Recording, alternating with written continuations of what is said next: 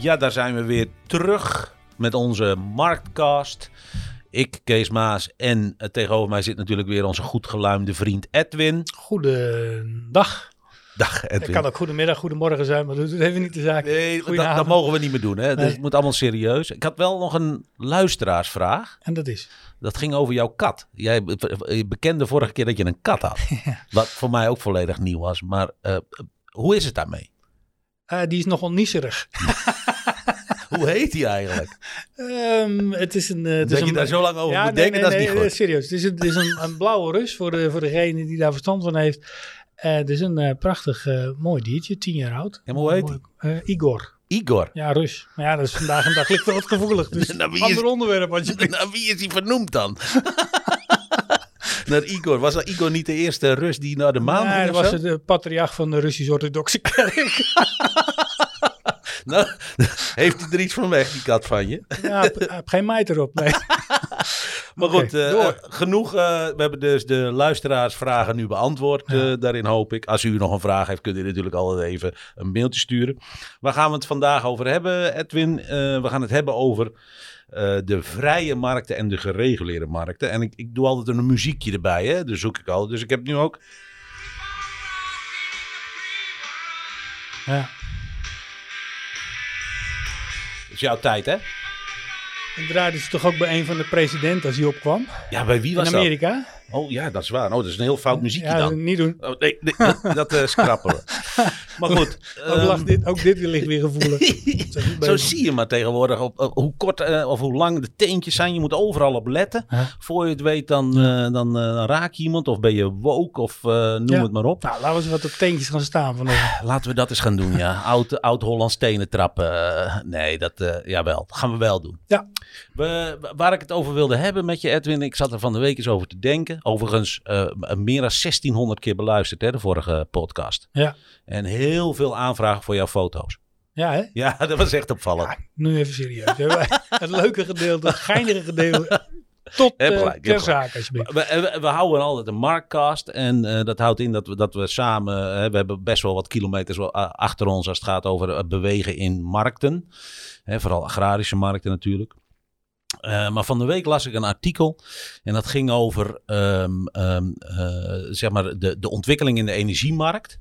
Ehm, en er werd eigenlijk parallel met wat andere markten getrokken over eh, wat nou de impact is van een markt vrijlaten of een markt reguleren.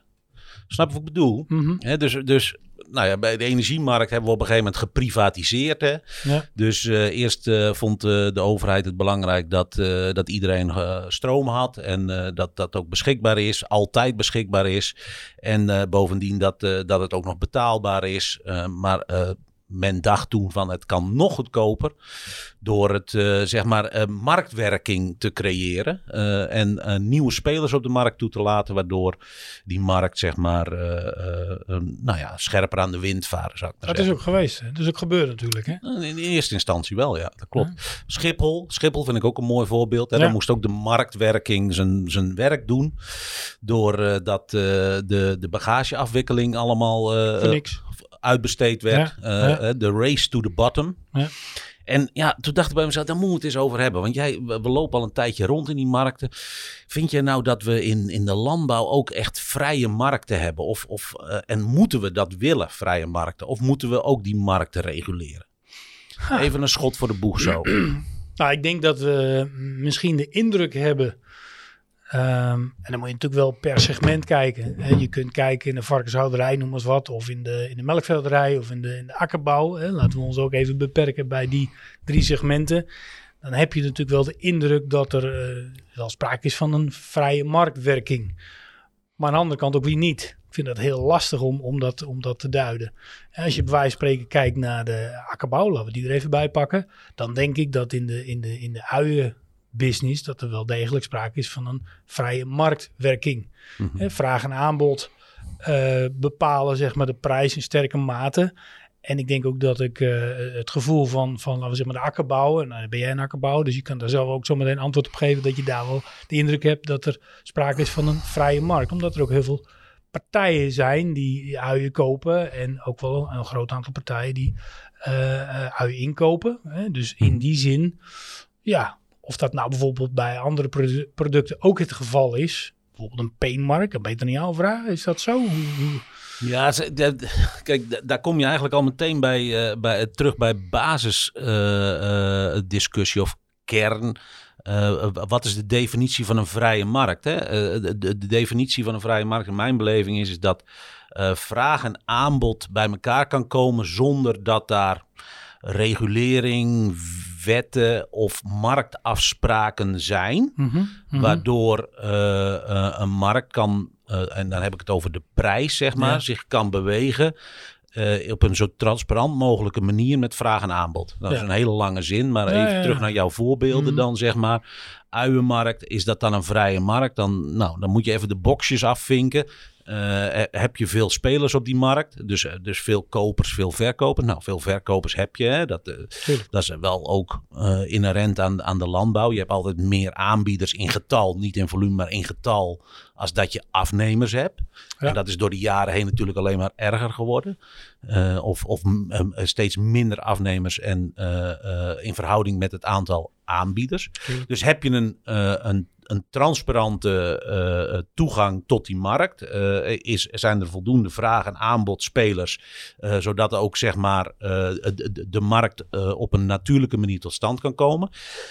Zit er geen eh, wet en regelgeving rondomheen, eh, Mhm. waardoor eh, toegang tot die markt beperkt wordt? Ehm, en eh, zijn er in, in die markt geen partijen die afspraken met elkaar maken of kunnen maken, waardoor eh, um, de prijsvorming niet meer op een eerlijke of transparante manier eh, tot stand kan komen? Dat laatste mag natuurlijk niet. Nee, dat klopt. Eh, ehm, Gebeurt dat dan? nou, dat zal in het verleden wel gebeurd zijn, eh, ehm, denk ik.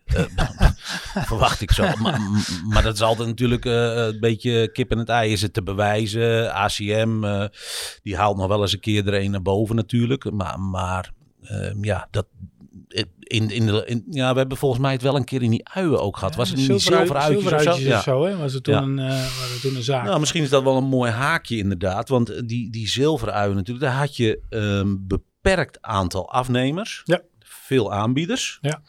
En, Handje vol maar. Ja, en, Die, en die afnemers die, eh, die maakten blijkbaar afspraken met elkaar daarin. Dan is het geen vrije markt. Nee. Is het dan een, ver- een, een markt die, ehm, ja, die dan niet werkt? Dat, dat is dan de vraag. En, en maar Hoe gaat, gelukkig gaat het de je? ACM niet om, hè? nee. Eh, De ACM gaat het erom van, eh, al, zou, al zou er wel enige marktwerking zijn, als een aantal partijen natuurlijk afspraken maken achter de schermen, dan is dat strafbaar.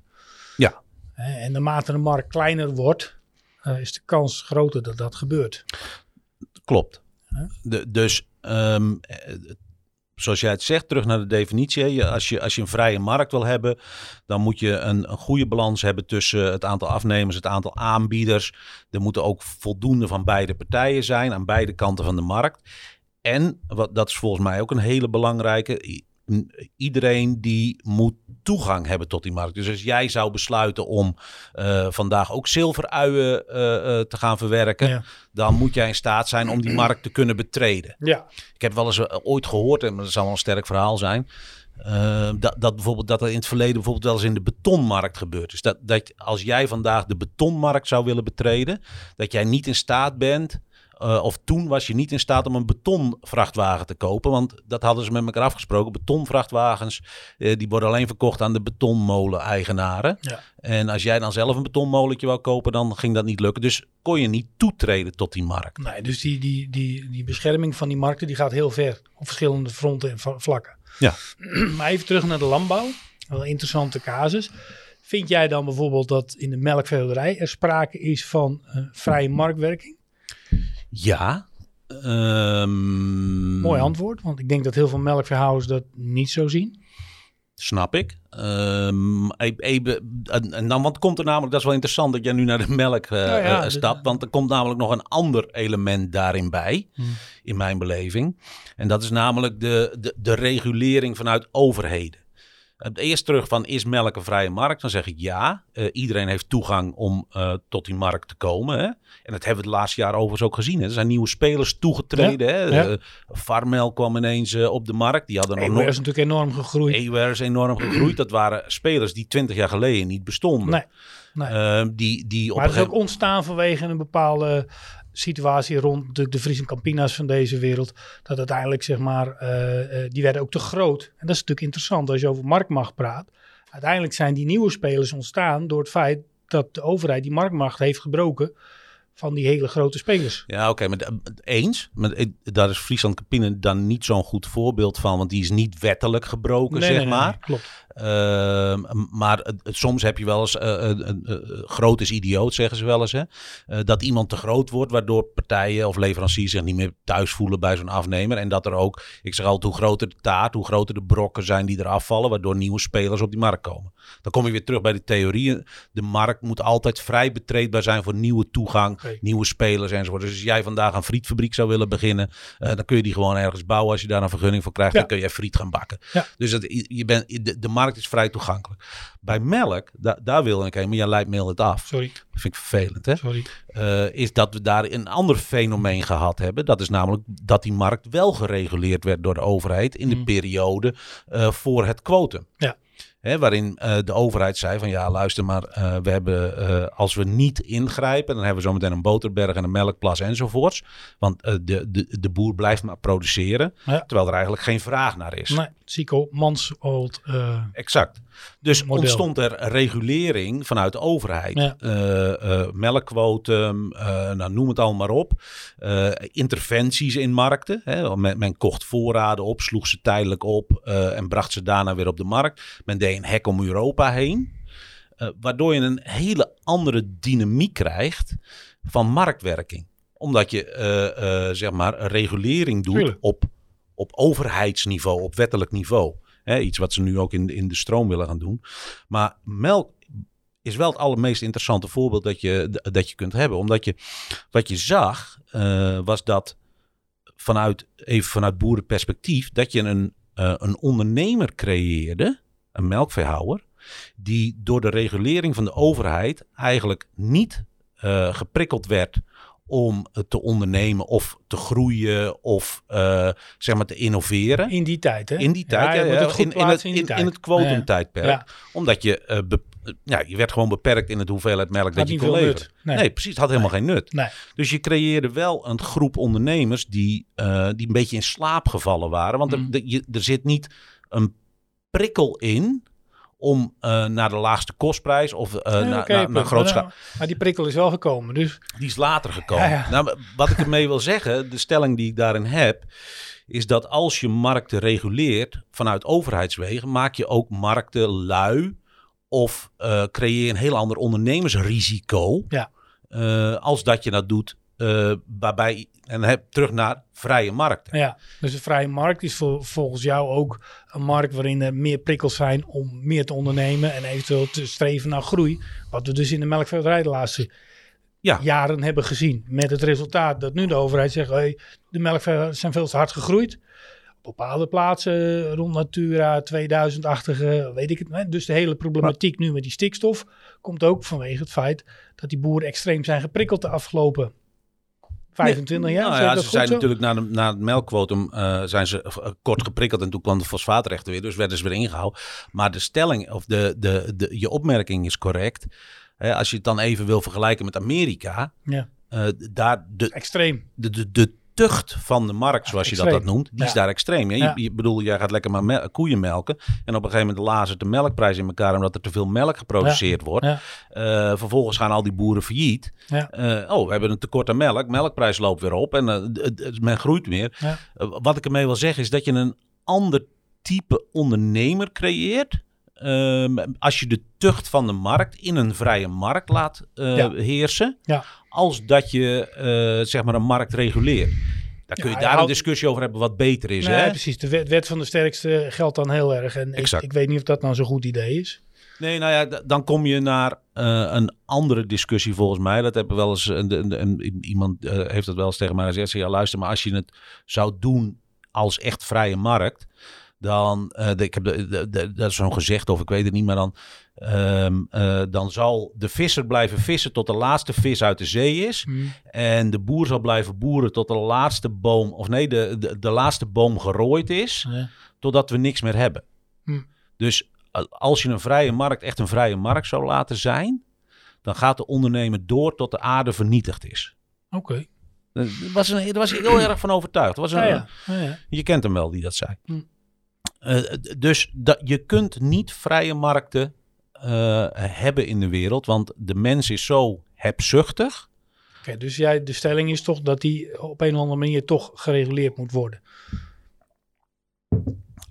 Natuurlijk een ruim begrip. Ja hè? Kijk, nee. als je natuurlijk naar een regionaal... We hebben in het begin van het gesprek hadden we het over de peenmarkt. Mhm. Vrij regionaal gebeuren. Zilveruitjes, regionaal gebeuren. Kijken we naar de dairymarkt. Hè? Uiteindelijk, we hebben het dan over... Global. Global. Eh tarwemarkt, global.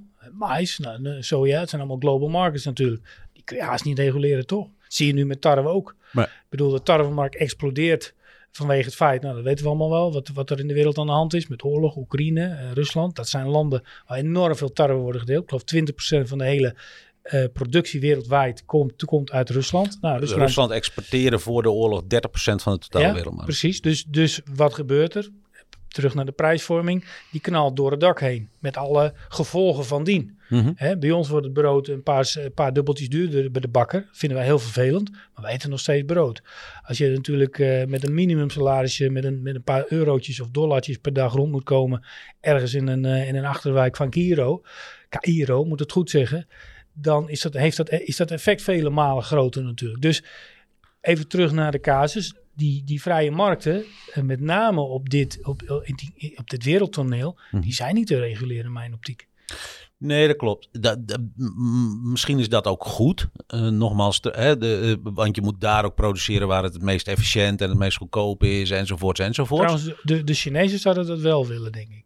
Reguleren. Ja, absoluut. Dat doen ze toch elke dag? Ja, maar ook zeg maar die grondstoffen natuurlijk. Dat ze die willen hebben. Hebben, maar, maar niet alleen hebben, maar ook zeg maar de productie kunnen organiseren. Ze zijn niet voor niks zo actief natuurlijk in bepaalde landen waar, met name in de Afrikaanse landen waar ze, waar ze niet zozeer alleen de grondstof. Ook de grond. Ja, precies. Ja, natuurlijk een Ja, andere strategie. Daarmee kun je wel reguleren. Ja, maar eens. Misschien een zijstapje, maar bij, naar die Chinezen kijk ik altijd een beetje naar eh, de, dezelfde vorm als eh, waarin wij na de Tweede Wereldoorlog in Europa zaten. Dat is namelijk, eh, je moet eten. Ja. En da- daar zijn wij al te ver van afgedreven, want eh, wij kunnen altijd eten, want we hebben een supermarkt. Of het er Nou dan ja, in ligt je- of niet. je- we hadden het net over die Boterberg en, en, die, en, eh, en, en die melkplas. Maar dat is met name Sico Mansholt, eh, de eerste Europese landbouwminister, die ook zei van, we hebben nu die oorlog gehad. Die had hij aan de lijve meegemaakt. Wij gaan nu zeg maar zorgen dat onze bevolking altijd te eten heeft. Nooit meer honger. Nee.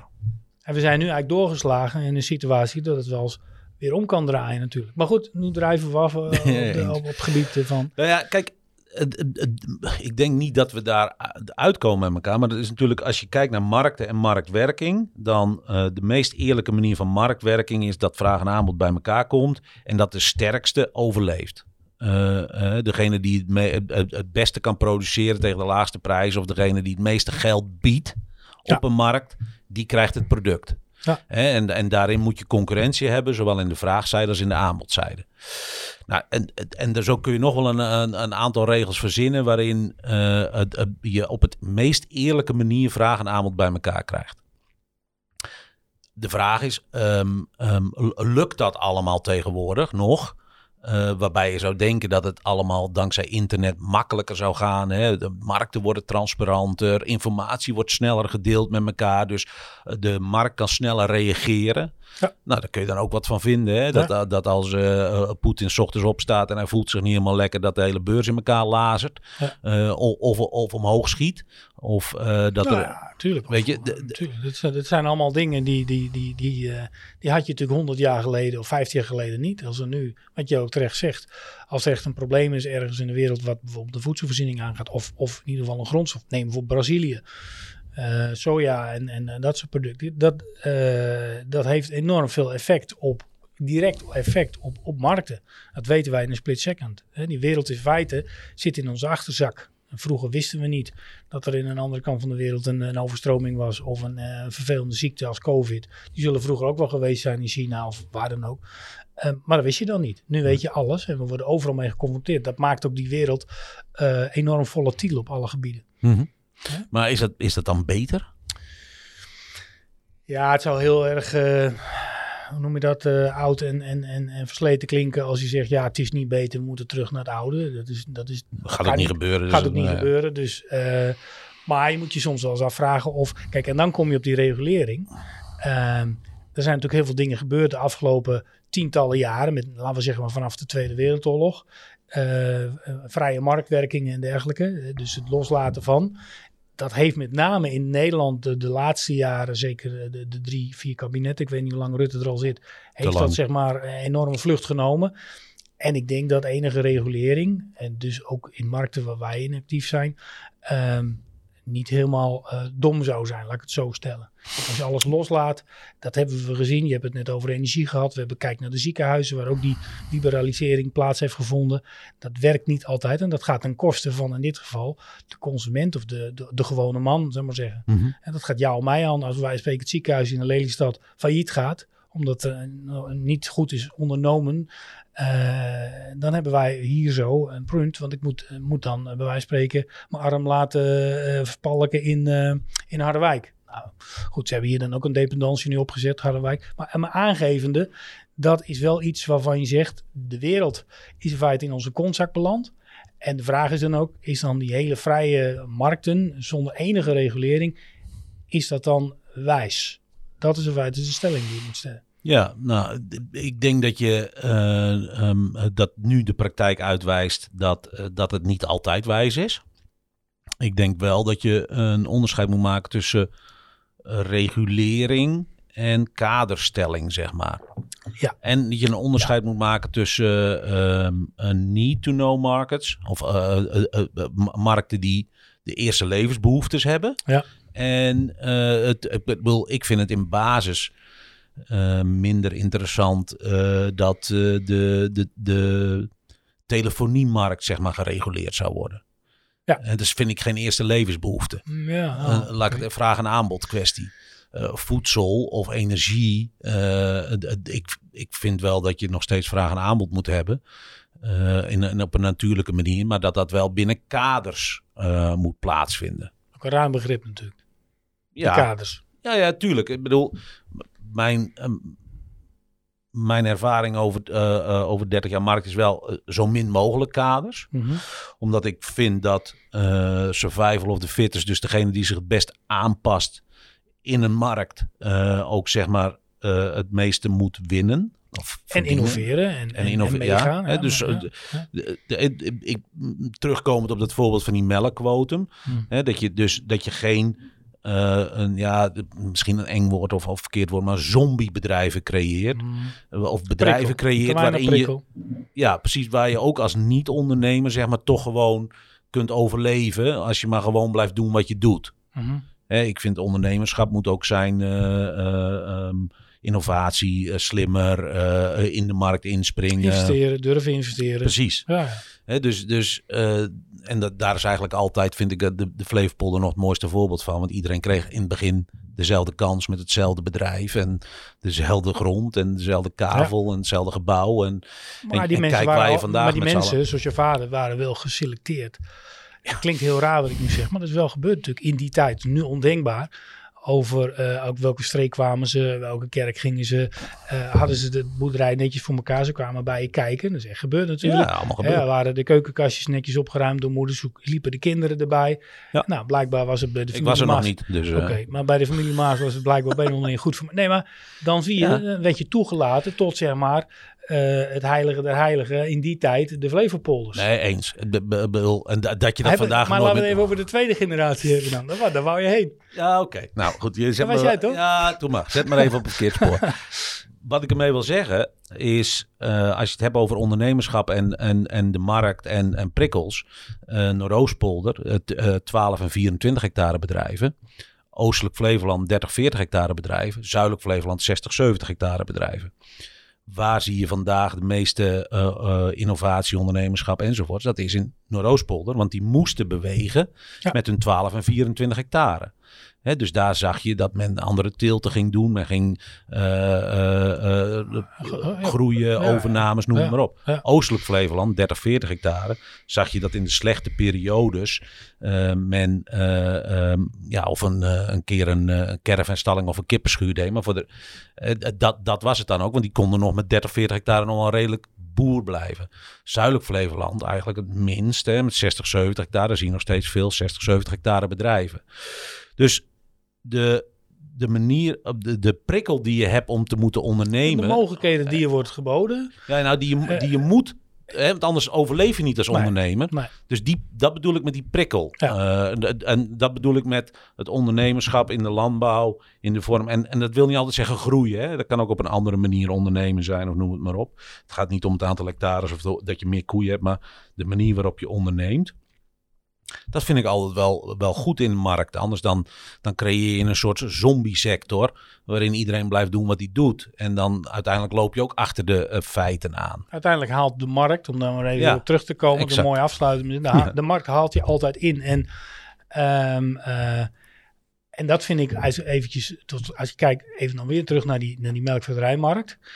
Waar er nooit, maar ook nooit kunnen denken dat de melk prijs, de rauwe melkprijs, op zou lopen naar niveaus van naar 60 euro. Nee. Of 60 cent, beter gezegd.